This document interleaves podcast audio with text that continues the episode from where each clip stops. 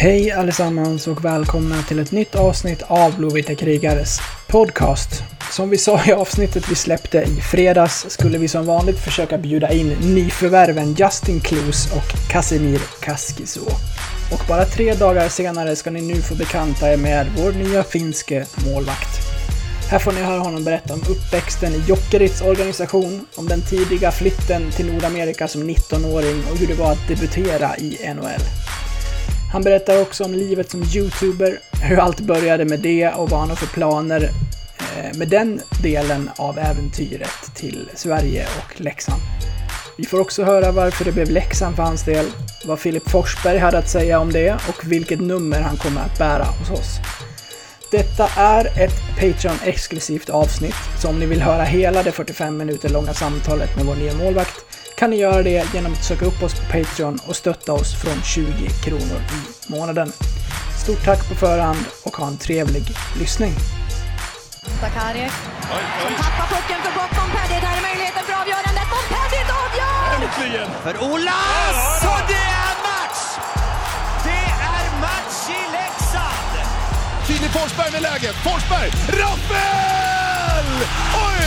3-1 Leksand! Olas vänder, vrider, kommer långt! Titta passningen! Det är mål! Det är mål! Leksand är i SHL! Cehlárik är det som följer med. Marek Hrivik. Cehlárik tillbaka. Oj, vad fint spelat!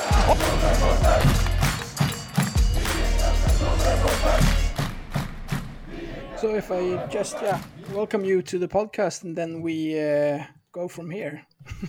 Awesome, yeah. So how how are you this Monday, new week?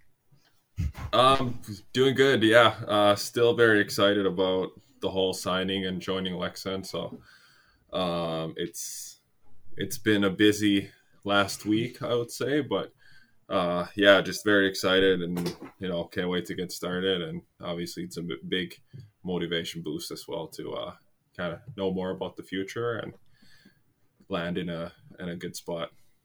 Has it been a like since the first connection and then till it's done? Has it, has it gone fast or? I think so. Yeah. I also um, we were just going in the playoffs, so obviously wanted to uh, kind of fo- do focus on that a little bit too. And then once once the playoffs were over, it definitely was very very quick, and obviously it was a it was a, a good opportunity and it's something I couldn't pass up. So uh, it didn't take too long for me to say yes. So how is life now in in Nashville? Is it slowly going back to normal with the vaccine or? Yeah, I think it's pretty much normal. Nobody really wears a mask, and all you can pretty much do whatever you want. So uh, it's good to see that things are pretty much back back to normal here. Yeah, and the crowd is back too. Yeah, it was it was pretty crazy to see. Especially Carolina was crazy too, and obviously Nashville. I feel like was just a one step above that, and pretty much full, full building, and it was pretty loud in playoff time. So it was uh, it was fun to see. So as I as I said when I invited you, we tried to to have a, an episode with all the new players just to, for the fans to know to get to know them a little bit better. And we had another episode this Friday, and we said that we are we are going to invite the new players, and and here we are three days later. So thanks for being so quick with this, and uh, I know that many will appreciate it. No, of course I'm I'm happy that you wanted me to be on and kind of hope hope the fans get to know me a little better. So if we start with you and what you're doing a little bit off the ice, if that's okay with you. Yeah, I figured that was coming. yeah, of course, because it, it's uh, it's not like you are the only one that has a YouTube channel as a hockey player, as I know. Maybe you know more, but pretty much as Yeah. the only one who's doing it consistently. So yeah, it's I mean you, it's how, how yeah, sure. how did Go. how did it start? Um in the playoff bubble last year. So I was with Toronto and we are going into the bubble.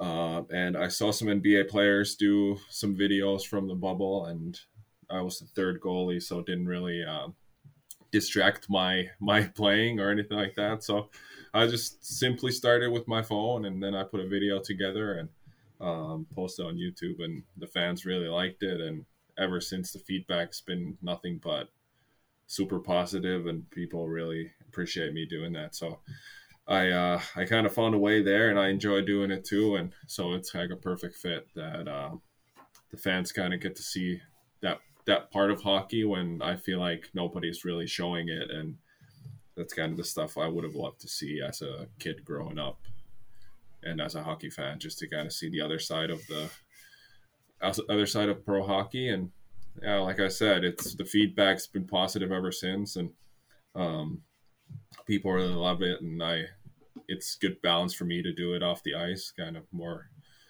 get my mind somewhere else, and um, yeah, I've been enjoying it so so far, and it's also uh, nice for me one day to look back and kind of see what was going on, especially in the NHL bubble, and then um, even at home when we have a two-year-old daughter, kind of see what we did when she was growing up. So kind of like a public home video for myself too in the future. Is that something that you have had an interest for uh, even before just editing videos? So it would, did it start with this uh, NHL bubble in Toronto? It, it pretty much started with this, and then obviously I've learned learned a lot in a year, and so but yeah, I kind of always had kind of interest in social media and all this kind of stuff, but never felt like I had any content or anything like that to you know give out or post a lot. But now I've I've seen the demand and how people really want to see that, so it's it's made a lot of sense and trying to grow that way as well. Is that something that you need to check with the club, or have any have have your teammates been positive to to be in your videos?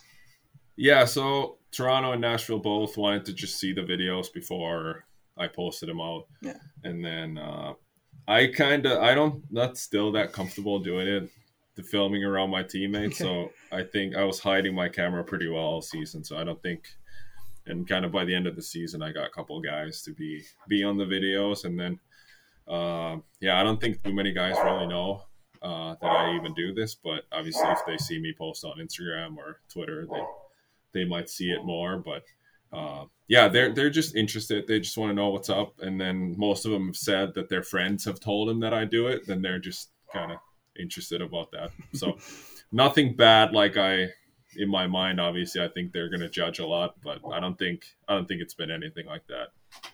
Will you continue in Sweden? Yeah, if the fans want to see it and if it's okay with the team, then for sure. I mean, it, it is not uh, anyone else that's doing it. So it's interesting to see. So you got a good content there. Yeah, for sure. And people like I like I keep saying that everybody seems to like it, and a lot of people have said it's gotten gotten them through uh, through a hard time and the COVID and the quarantine. So uh, just trying to trying to make a positive impact and grow the game of hockey, and obviously give the fans what they want. So these uh, last days, if we're looking uh, from a social media perspective, how how has it been for you?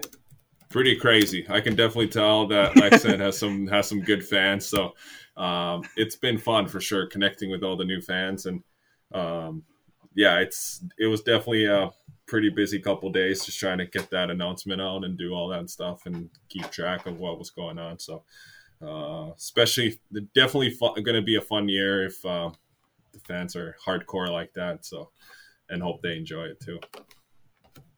Yeah, they they find your YouTube channel and posted comments on your last video, even when you weren't presented yet. Yeah, I think it was two, three weeks ago. I started seeing some okay. blue and white and Leksand and the rumors. So it was, I was kind of laughing to myself.